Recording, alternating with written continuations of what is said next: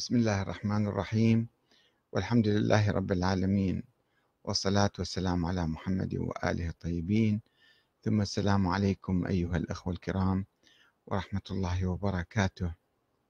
متى تعترف المرجعية الدينية بشرعية الدولة المدنية المنتخبة؟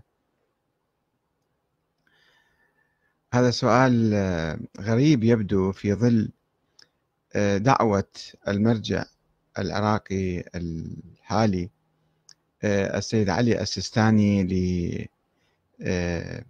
للدستور آه، وللدولة المدنية. ودعم هذه الدولة دائما والمشاركة في الانتخابات وإعداد القوائم ورعاية الدولة عموما. ولو عند مثلا مواقف من بعض المسؤولين وبعض رؤساء الوزارة ولكن بصورة عامة هو يدعو للدولة المدنية. ودعم هذه الدولة. ولكن توجد في رسالته العملية أو في موقعه في باب الاستفتاءات آه، أجوبة عجيبة غريبة يعني آه، توحي بأنه لا يزال آه، لا يعترف حقيقة بشرعية هذه الدولة. وعدم اعتراف المرجع السيد علي السيستاني أو المرجعية الدينية عموما في العراق بشرعية الدولة. هذا له آثار كثيرة إلى يعني آه، في الموقف من من المال العام من رواتب الدولة من قرارات الدولة من القضاء من كثير من الأمور. آه، يعني نشوف لا يزال آه، المرجع يتوقف فيها أو يعتقد بأنه هو له الولاية. على الدولة وعلى المجتمع. آه، مو فقط الكثير من الناس حتى الآن لا يؤمنون بهذه الدولة. كثير من الشيعة خصوصا آه، لا يؤمنون بشرعية الدولة. فالمال مال عام هذا مجهول المالك يحق مثلا نهبة أو سرقته أو لعب فيه أو أو عدم آه، طاعة آه، الدولة مثلا واستماع إلى قراراتها آه، كما كان سابقا. المعروف أن الشيعة الاثنى عشرية الذين يعتقدون بوجود النص بالإمامة من الله تعالى على الإمام علي وأبنائه الأحد عشر أو الاثنى عشر. أن الشرعية فقط لهؤلاء. وما عداهم لا يملكون أي شرعية.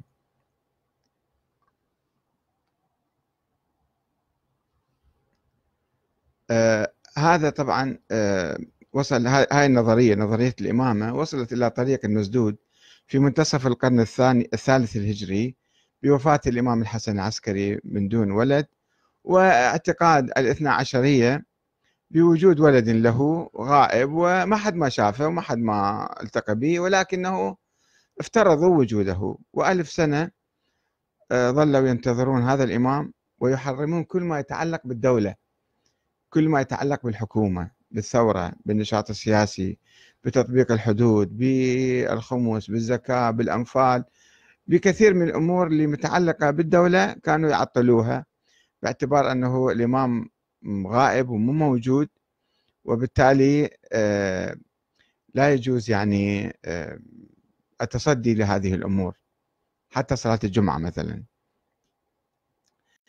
آه، هكذا كانوا يعتقدون منذ فترة طويلة إلى قبل حوالي خمسين سنة تقريبا عندما حصلت ثورة في الفكر الشيعي قبل أن تحدث ثورة في السياسة وفي المجتمع. عندما آه، آمن السيد محمد باقر الصدر بمبدأ الشورى وأسس حزب الدعوة على ذلك ثم آه، طرح الإمام الخميني ثم انسحب السيد محمد باقر الصدر من حزب الدعوة في الحقيقة وارتج آه، إيمانه بمبدأ الشورى فمال إلى ولاية الفقيه أو إلى المرجعية في البداية ثم إلى ولاية الفقيه. الإمام الخميني سنة 69 طرح فكرة الحكومة الإسلامية وولاية الفقيه. آه، السيد موسى الصدر في لبنان هو قاد حركة حركة المحرومين وحركة المقاومة ضد إسرائيل. آه، وأيضا آه، يعني تلاحقت هذه التيارات واتخذ السيد السيستاني قرارا بضرورة بناء دستور وإقامة دولة مدنية ديمقراطية. في 2003 بعد 2003 يعني.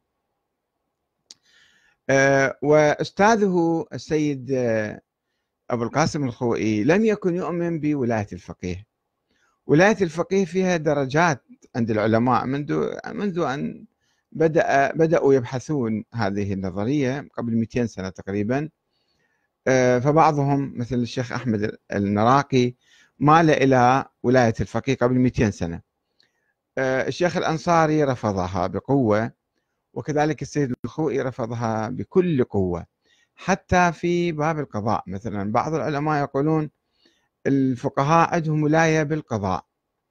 وبعضهم يقولون يعني السيد الخوئي كان يقول حتى في القضاء ليس له ولاية له الحق بالقضاء يقضي بين الناس ولكنه لا يستطيع أن ينفذ أمر القضاء أو حكم القضاء على الناس. ما عنده ولاية. فلم يكن يؤمن بأية ولاية. السيد السيستاني اللي هو تلميذ السيد الخوئي عندنا آه، فتوى يعني آه، يعني غريبة بالنسبة إلى يعني آه، أنا أقرأها عليكم الآن في موقعه موجودة تقدرون تراجعون. أنا ناشر الموقع أيضا وناشر الفتوى. يقول السؤال ما هو تعريفكم لولاية الفقيه؟ الجواب الولاية فيما يعبر عنها في كلمات الفقهاء رضي الله عنهم بالأمور الحسبية. الأمور الحسبية في آه، مصطلح الفقهاء الأمور التي لا بد منها. مثلا واحد يموت عنده أطفال آه، وما حد ما راعي يرعى الأطفال. فالعالم يجي أو الفقيه يجي يتكفلهم أو يرعاهم أو يصرف بأموال الميت إيه، آه، لمصلحة هؤلاء الأيتام. هاي يسموه الأمور الحسبية. أو بالقضاء مثلا أيضا يدخلوه في الأمور الحسبية أنه يمكن المجتمع يعيش بدون قضاء وبدون بدون قضاء. فالمرجع يجي هو يقوم بالقضاء بالقضاء. يقول هاي الأمور الحسبية سيد السيستاني تثبت لكل فقيه جامعا لشروط التقليد. لكل فقيه. جامعا لشروط التقليد. وأما الولاية فيما أوسع هو أوسع منها من الأمور العامة يعني الحكم التي يتوقف عليها نظام المجتمع الإسلامي. هذه آه، الفقيه عنده ولاية أو ما عنده ولاية؟ يقول فلمن تثبت له من الفقهاء؟ ولظروف أعمالها تنفيذها يعني. شروط إضافية مو فقط يكون فقيه ويجي مثلا يقوم بالأمور الحسبية. شروط إضافية ما يذكرها السيد السيستاني الآن هنا ولكن يقول ومنها أن يكون للفقيه مقبولية عامة لدى المؤمنين. طيب هاي النظرية بعدها مو كاملة في الحقيقة لأنه افترض عندنا عشر فقهاء. افترض عندنا 100 فقيه. وين جالسين الفقهاء؟ وولايتهم في داخل الأطر الإقليمية أو هي عامة لكل المسلمين؟ هذه مسائل مهمة في بلورة هذه النظرية.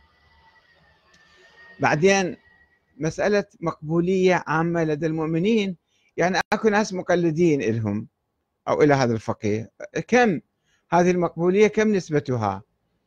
يعني آه، مليون واحد مليونين عشر ملايين مئة مليون كم واحد يقلدون؟ المقبولية كلمة عامة غير دقيقة. وما تصلح تعريف آه، هاي النظرية أو تمشيتها؟ بعدين كل هؤلاء الفقهاء عندهم ولاية مشتركة في نفس الوقت؟ أم فقيه واحد هو الذي يحكم فيه؟ مثلا بإيران آه، فقيه واحد هو الذي يحكم يسموه المرشد يسموه القائد أو الولي الفقيه وحكمه يسري على بقية الفقهاء وما يسمح لبقية الفقهاء أن يمارسوا سيادتهم أو ولايتهم على الناس. في جواب السيد الخوئي ما السيد السيستاني ولا أعرف إذا كان هو مجاوب أو المكتب ماله أو بس باسم الفتوى على حال إحنا ما نشكك أكثر من اللازم. فالجواب غير دقيق. وغير صحيح يعني. بعدين من أعطاه الولاية؟ افترض هو فقيه وهو جامع للشرائط وهو وحيد زمانه ما حد ماكو غيره بعد. أو هو أعلم الناس نفترض. هو ما يشير إلى موضوع العالمية. ونفترض إحنا الآن خلينا نقول العالمية. هو أعلم الناس وكيف نحقق العالمية؟ تلك مسألة أخرى ما نبحث فيها الآن. طيب مقبولية عند عامة لدى المؤمنين مقبولية عامة لدى المؤمنين. مو لدى عامة المؤمنين المقبولية عامة. طيب هذا ما يعطي شرعية أن يجي يحكم ويتصرف بأموال الناس ودمائهم وأعراضهم ويقضي وكذا ينفذ هذه يعني شنو آه، آه، قاعدة أو أساس هذه الفتوى؟ طبعا هنا باعتبار نظرية أخرى لم يتحدث عنها في هذه الفتوى إنما تحدث عنها علماء آخرون سابقون وربما هو يعتقد هذا الشيء أيضا أنه آه، الفقيه هو النائب العام للإمام المهدي الغائب الإمام الثاني عشر الغائب. طيب إذا هو مثلا السيستاني أو أي مرجع آخر هو لم يبحث ولم يتحقق ولم يتأكد مئة بالمئة من وجود ذلك الشخص الغائب اللي يسمى الإمام الثاني عشر. أنه هو موجود ولا مو موجود؟ حقيقة ولا وهم ولا أسطورة؟ إذا هو ما متحقق وما متأكد وما باحث الموضوع وما مجتهد في هذا الموضوع يدعي النيابة العامة عن هذا الف... الإمام. كل فقيه نائب. شوف النظرية بعدها مو ناضجة ومو متكاملة. أنا كل فقيه مجتهد عند شروط التقليد فهو صار نائب الإمام صار مقدس يعني. صار كأنه هذا حاكم شرعي وبالتالي يحق له التصرف في أموال الناس وفي السيادة عليهم. طيب هذا يعني آه، نظرية بعدها مبتسرة بعدها مو ناضجة ومو ما فيها اجتهاد عميق ما فيها اجتهاد آه، حقيقي وشامل. وشوفوا تفريعاتها الآن. هذه أساس النظرية. نجي على تفريعاتها. اليوم الشيخ ميثاق الأسر طرح هذا الموضوع. طرح مسألة جزئية في هذا الموضوع آه، أثارها.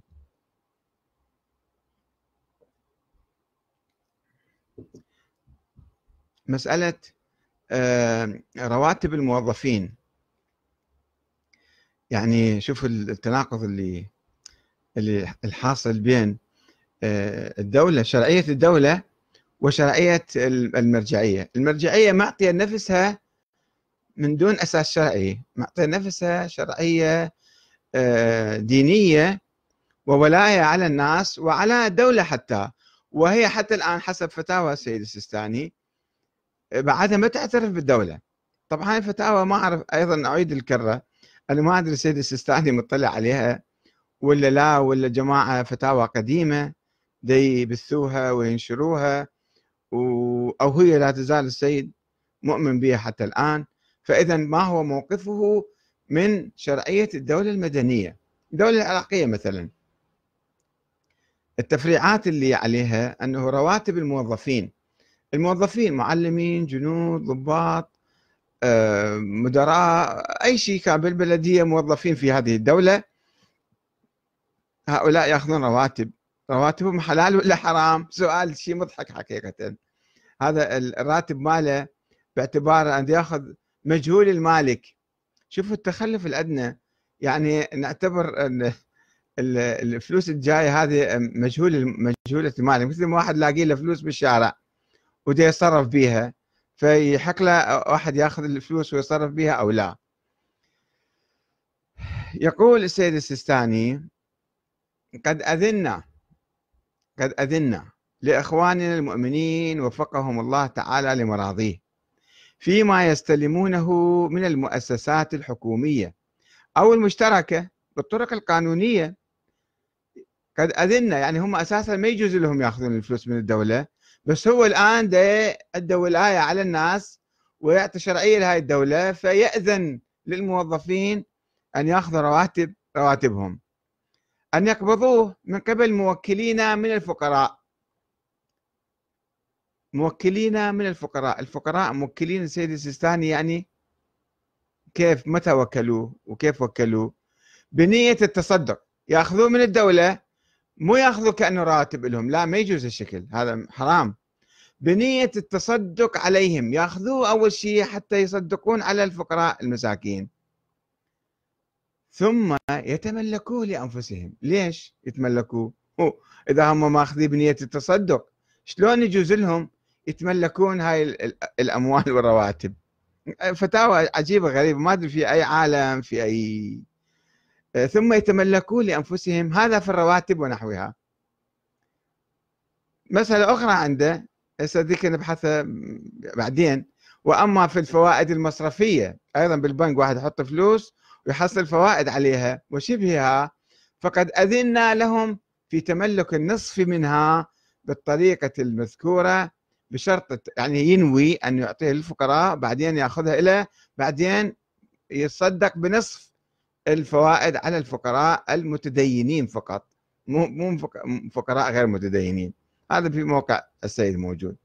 هسه هاي بعد شوي نرجع عليها أنه يأخذ الأموال يعني هذا ما له حق هو تعبان رجال موظف معلم مثلا أو واحد جندي أو ضابط أو بالحشد الشعبي أو غيره رايح مصبح الليل قاتل و يعلم الناس ويخدم الناس في دوائر الدولة هاي أموال الدولة هاي حرام مجهولة المالك.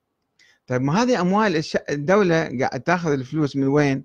إما من الثروات الطبيعية من النفط والمعادن وغيرها وإما من الضرائب وإما من ال يعني الأموال اللي تحصلها من المعاملات. تسوي لك معاملة جواز أو معاملة تسجيل عقاري أو أي شيء ياخذ من عندك مبلغ معين من الفلوس ثم آه، يدخل إلى خزينة الدولة ثم الدولة توزعها على الموظفين وعلى مرافق الدولة الأخرى اللي تعرفوها يعني. فهنا يعني افترض المرجع ما انطى إذن. اولا هو منو حتى يعطي إذن؟ منو يعني منو حطه وخلى المرجع آه، وصي على الناس وعنده شرعية على الناس وباعتباره هو مثلا آه، كما يعتقد السيد السيستاني وغيره. مو بس السيستاني هاي فتوى هاي فتوى عامة. عند كثير من المراجع في الحقيقة. لأنه هم باعتبار نواب الإمام وعندهم شرعية دينية. كما يقول أحد الأخوان يقول آه، يعلق يقول المرجع هو المجتمع الدين يقود المجتمع. فيسألني على أي قاعدة دينية تعترف بذلك يا كاتب؟ فالدين من يقود المجتمع وليس العكس. هو الدين صحيح بس هذا هاي مسألة مو دينية. هاي مسألة فتوى قائمة على بالحقيقة كلامي شوية قاسي قد يكون على خرافات وأساطير. لا يوجد نظرية الإمامة هي مو مو نظرية آه، صحيحة ولا إسلامية ولا شيعية إنما فرضية افترضها بعض الناس من الغلاة. ثم فرضية الإمام الثاني عشر أيضا فرضية في فرضية يعني أيضا فرضية وهمية أسطورية ما لها حقيقة. الفرضية الثالثة اللي قاموا بها أن الفقهاء نواب الإمام الغائب. وهناك فرضية رابعة بالحقيقة أنه هؤلاء الذين يدعون الفقه يفترضون في أنفسهم الفقه والعدالة. والله أعلم بذلك. الله أعلم بفقههم والله أعلم بعدالتهم. لأن واحد أيضا يفسك الآخر. هل شوفوا العلماء والمراجع؟ اسألوهم. روحوا شوفوا شوية دخلوا بالحوزة واسألوا هذا المرجع عن ذاك المرجع. رأيه بذاك شنو؟ شوف الفتاوى صادرة بيناتهم. أنه هذا ضال مضل وكذا ودائما تصدر. فإحنا شلون نثق بفقههم وعدالتهم ونيابتهم؟ ووجود الإمام الثاني عشر وفرضية الإمامة بالنص من الله تعالى. كلها فرضيات وهمية هاي مو دينية. وبعدين عندنا شنو؟ عندنا دولة الآن قائمة. هذه الدولة هذول الناس اللي بانين أفكارهم على شيء اسمه المرجعية الدينية وشرعية المرجعية الدينية. وغيرهم ما عنده شرعية. سنجي إلى الدول ظالمة طاغية مثلا حاكم وقائم بانقلاب عسكري ومثل صدام حسين نفترض ظالم. آه، حتى في هذه الدول اللي مثلا آه، فيها رؤساء ظالمين أو مستولين على السلطة بصورة غير شرعية هناك شيئان في هذه الدول. في شيء اسمه دولة وبلد وثروات في هذا البلد وفي شيء اسمه حكومة وحاكم. الحاكم يتغير بس الدولة ما تتغير. يعني واحد مثلا صار له خمسين سنة معلم أو موظف يخدم الدولة ويخدم المجتمع في وظيفته. هذا هو موظف عند الدولة مو موظف عند صدام حسين ولا موظف عند هذا الحاكم أو عند هذا الملك. الملوك يرحون الحكام يتغيرون آه، والدولة باقية. الدولة هي المجتمع هي منبثقة من المجتمع. وتعتمد على ثروات المجتمع وعلى إدارة المجتمع في نسبة كبيرة من عندها.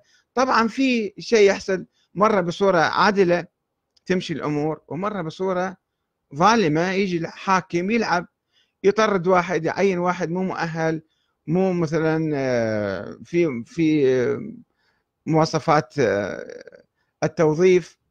واحد يجيب أقربائه يجيب عشيرته يجيب محازيبه يحطهم. هذا هذا هذه مسألة أخرى. ولكن المعلم اللي راح متوظف في الدولة هذا ما ما يصير إحنا نقول عليه هذا آه، يعني ياخذ أموال من ظالمين أو مجهولة المالك. ياخذها من الدولة اللي هو عايش بها آه، أتذكر أيضا آه، أحد العلماء كان واحد قبل خمسين سنة أو أكثر. كان واحد يشتغل بالمخابرات سري يسميه أمن يعني مخابرات سرية. فهذا كان يجيب فلوسه على أساس هو عنده شوية متدين هذا. يشتغل شرطي أمن وشوية متدين. فيجي أحيانا آه، للعالم ويقول له هاي راتب مالي أنا أخذته من الدولة وهذا أنا شوية عندي إشكال في شرعي أحلل آه، لقمة آه، يعني لقمتي ولقمه أطفالي فالمرجع ياخذ الفلوس من عنده ثم يعطيه إياه وياخذ شوية من عندهن ياخذ شوية من عدن أو خمس مثلا من عدن ويقول له يلا روح. آه، أموالك صارت حلال. هسه هذا افترض في إشكال شرعي. يشتغل بالمخابرات في دولة ظالمة مثلا؟ مثلا. ولكن إذا واحد يشتغل وظيفة شرعية معلم مدرس مهندس أو أي شيء كان في الدولة دي يشتغل ليش أيضا أمواله حرام؟ ولازم يروح يوديها للمرجع حتى يحلل اياه وهنا عنده السيد شنو؟ عنده إذن عام. يقول فقد أذنا لإخوان المؤمنين وفقهم الله تعالى لمراضيه فيما يستلمونه من المؤسسات الحكومية أو المشتركة الحكومية وأهلية يعني. بالطرق القانونية مو يسرق ولا ينهب. أن يقبضوه من قبل موكلينا من الفقراء. بنية شيء شيء عجيب غريب يعني. آه، بنية التصدق وبعدين يقلب إذا هو بنية التصدق لازم يعطيهم اياه أموال مو مالته هذه حرام إذا حرام فليش ينزلها بجيبه؟ إذا حلال ليش ينوي التصدق؟ وليش يروح يعطيها للفقراء بعدين؟ يعطي حصة الفقراء في مكانها ولكن هذا هذا الراتب اللي ياخذه ليش دي يلفون ويدورون حتى يحللوه؟ لأنه بعد ما يعترف بشرعية هذه الدولة. طيب افترض هاي الفتوى قديمة من السيد السيستاني. الآن هاي الدولة اللي هي هو يدعمها ويدعو إلها وأسست على أساس دعوته لإقامة الدستور. أيضا هاي الفتوى تشتغل حتى اليوم. نفس الشيء لازم بالموظفين موظفي الدولة يروحون ياخذون إذن من عنده حتى يصرفون برواتبهم. أو لا هذا كلام كله ما له معنى. كلام بالشيء عجيب غريب ما ما مبني على أي أساس ديني ولا أي أساس شرعي ولا أساس قرآني ولا ما أعرف من وين جايبيه نجي على الفقرة الأخرى.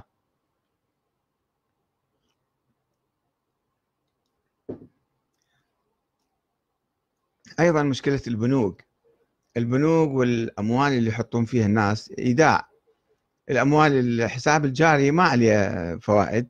الحساب التوفير أو كذا مثلا واحد يحط بالبنك والبنك يروح يتصرف بالأموال يروح يشغلها مثلا يعطي أيضا قروض لآخرين أو شركات يسوي أو مثلا يدخل بصفقات الله أعلم. فيعطي فائدة كل البنوك عادة تعطي فوائد. 2% 3% 5% أقل أكثر. آه هذه الفوائد حلال أم حرام؟ طبعا هنا يحتاج بحث آه يعني اقتصادي. أنه هذه الفوائد السنوية هذه تعتبر ربا أو لا أو كما يعني تدل بعض الأبحاث على أنها يعني من الوهم الربوي وليست ربا. الوهم الربوي هذا يحتاج لبحث مستقل في الحقيقة. وأنا قمت في بحث هذا قبل حوالي 30 سنة في إيران عندما كنت في الحوزة وقلت عن الفوائد الربوية. هذه أصلا مو ربا هذه وهم ربوي. لأنه هم البنوك يعطون فائدة بنسبة التضخم في البلد. أو أقل من نسبة التضخم. فلكم رؤوس أموالكم لا تظلمون ولا تظلمون. فإذا واحد هذا اللي يحط بالبنك هذا مو بدي يحط آه، قرض يعطي للبنك حاط وديعة بالبنك. يعطوه فائدة مو مو مو على أساس آه، آه، يعني دين ماخذ يعطوه فائدة على على الدين. فايضا في مشكلة عند بعض العلماء أنه يعتبروا هذا ربا. طيب هسه ربا ربا حرام. بس شلون يحللوه؟ هنا اللف والدوران. أول شيء تحريم الفوائد ثم تحليلها. وشبهها. وأما في الفوائد المصرفية وشبهها فقد أذنا لهم في تملك النصف منها. طيب اذا هي حرام ليش تأذن لهم؟ إذا هي حلال ما يحتاج إذنك. شنو الداعي إلى إذنك؟ يعني أنت شنو؟ يعني تحلل الحرام وتحرم الحلال؟ على أي أساس؟ فقد أذنا لهم باعتبار عنده ولاية. هالولاية منين جبتها؟ وليش تدخلها هنا؟ وليش تشغلها؟ وتعملها هنا في في هذا المجال. فقد أذنا لهم في تملك النصف منها الفائدة. النصف منها بالطريقة المذكورة. يعني شنو؟ يعني أيضا ينوي ياخذ الفائدة بالنيابة عن الفقراء ثم ياخذ نص بجيبه ينزله والنص يعطيه للفقراء بعدين. وتملك النصف منها بالطريقة المذكورة بشرط التصدق بالنصف الآخر على الفقراء المتدينين. ليش متدينين فقط؟ واحد جوعان افترض مو متدين شوية مفاسق. هذا ما يصير آه، تعطيه من هاي الصدقات. يعني فتاوى فعلا ما أنزل الله بها من سلطان. عجيبة غريبة. من حق الشيخ ميثاق العسر أن يتوقف عند هذه الفتوى ويتساءل يقول هل فكر يخاطب الموظفين هل فكرت يوما أنت العامل أو الموظف في دوائر الدولة ومؤسساتها؟ لماذا ينص المرجع الأعلى للطائفة الاثنى عشرية السيستاني دام ظله على ما يلي؟ أي فهو أيضا يجاوب آه، أنه ما يعتقدون آه، أن السيستاني آه، ومعظم زملائه المراجع يعتقدون بأن الدولة لا تملك أو أن الأموال التي تحت يدها مجهولة المالك مو مالت الشعب هذه. وعليه فإن استلام الموظفين رواتبهم منها يحتاج إلى إذن عام من قبلهم. فجاءت هذه العمليات القيصرية أو اللف والدوران باصطلاحي من أجل تصحيح استلام هؤلاء المساكين لرواتبهم التي قضوا ساعات طويلة من أجل تحصيلها. فبالحقيقة نحتاج إلى تطوير الفقه الشيعي. وتطوير الفقه الإسلامي هناك مركز آه، في لندن وبعض البلاد الأخرى باليمن والقاهرة وهنا وهناك مركز تطوير الفقه الإسلامي. وبالذات مركز تطوير الفقه السني ومركز تطوير الفقه الشيعي لأنه عندهم مسائل مثل هاي المسألة اللي بعدهم ما هاضمين مسألة الحكومة أو مسألة التطور في الاقتصاد وفي البنوك. بعضهم عندهم مواقف قديمة وما شايفين التطورات الموضوعية الحاصلة في آه، هذه الأمور. ويدعون النيابة عن الإمام الغائب ويعملون النيابة ويعملوها في مكان وما يعملوها في مكان آخر. يعني مثلا هنا على الوظائف الناس وعلى آه، فلوس الناس وعلى ما أدري شنو يمكن يعملون النيابة العامة. أنا عندي ولاية. طيب من تجي بالدفاع الدفاع عن البلد لا والله أنا هنا ما عندي ولاية عامة. وما أعطي إذن ما أقول لكم شو تسوون. إذا هجم العدو عليكم أنتم تدافعون ولا ما تدافعون هذا مو شغلي يعني ما علي. طيب شلون؟ إذا أنت عندك ولاية ونائب الإمام فتصور بالله الإمام المهدي الآن موجود وامريكا تدخل على العراق وتحتل العراق أو تحتل سوريا أو تحتل اليمن أو أي مكان. زين أنت ما عندك موقف حتى تبين رأيك بالنيابة عن الإمام؟ انت تفترض طبعا النيابه تفترض الإمام افترض تخيل بالله الإمام المهدي موجود وأنت نائب عامه قاعد تصف على إيد اليمين أو على إيد اليسار وتحدث مشكلة كبرى في البلد وهجوم من الأعداء وأنت ساكت وتقول أنا ما علي ما أعطيكم آه، فتوى في آه، في هذه المسألة. فنحتاج يعني في لخبطة لخبطة عند من يسمون الفقهاء اللي هم ما دارسين هالامور ولا مجتهدين فيها ولا باحثيها بدقة ما أعرف كيف يفتون فتاوى متناقضة وعجيبة غريبة. بحاجة إلى تطوير الحوزة تطور هذا الفقه السياسي وتفريعاته الاقتصادية أيضا. حتى يكون عندنا فقه في مستوى مستوى العمل. وما يصير إحنا هم نعترف بالدولة وهم ما نعترف بها هم ندعو للدولة المدنية ونقول الدولة المدنية ما عندها شرعية وإحنا عندنا شرعية وإحنا عندنا ولاية على على الناس وفوق هاي الدولة. ما يصير هالشكل. بالتالي الناس يكفرون. شفتوا الآن بالمظاهرات في بعض الناس قاموا يهتفون ضد المرجعية حتى.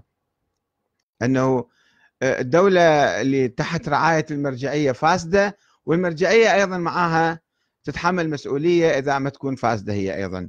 فنحتاج تطوير فكرنا السياسي ونكون على بينة أنه هذه الدولة شرعيتها من وين جاية؟ شرعيتها من انتخاب الناس لها وبالتالي هاي الدولة الدولة والحكومة الدولة هي بنت الشعب وتقوم على ثروات الشعب وعلى إدارة مصلحة الشعب والحكومة اللي تتبدل دائما وتتغير والحاكم يتغير هو أيضا جاي هسه بصوره شرعيه أو غير شرعية بالتالي أيضا هو من هذا الشعب ومن هذه آه، الدولة المرجعية شنو محلها من الإعراب؟ لماذا تحشر نفسها في المجال؟ هل يجب أن آه، تكون عندها سيطرة ولا لا؟ يجب أن تقف على جنب وتسلم بالتطور الحاصل وتعيد النظر في كل شرعيتها نفسها هي ما عندها شرعية هي عندها شرعية وهمية شرعية دينية وما يجوز لها تفرض شرعيتها على الناس. والسلام عليكم ورحمة الله وبركاته.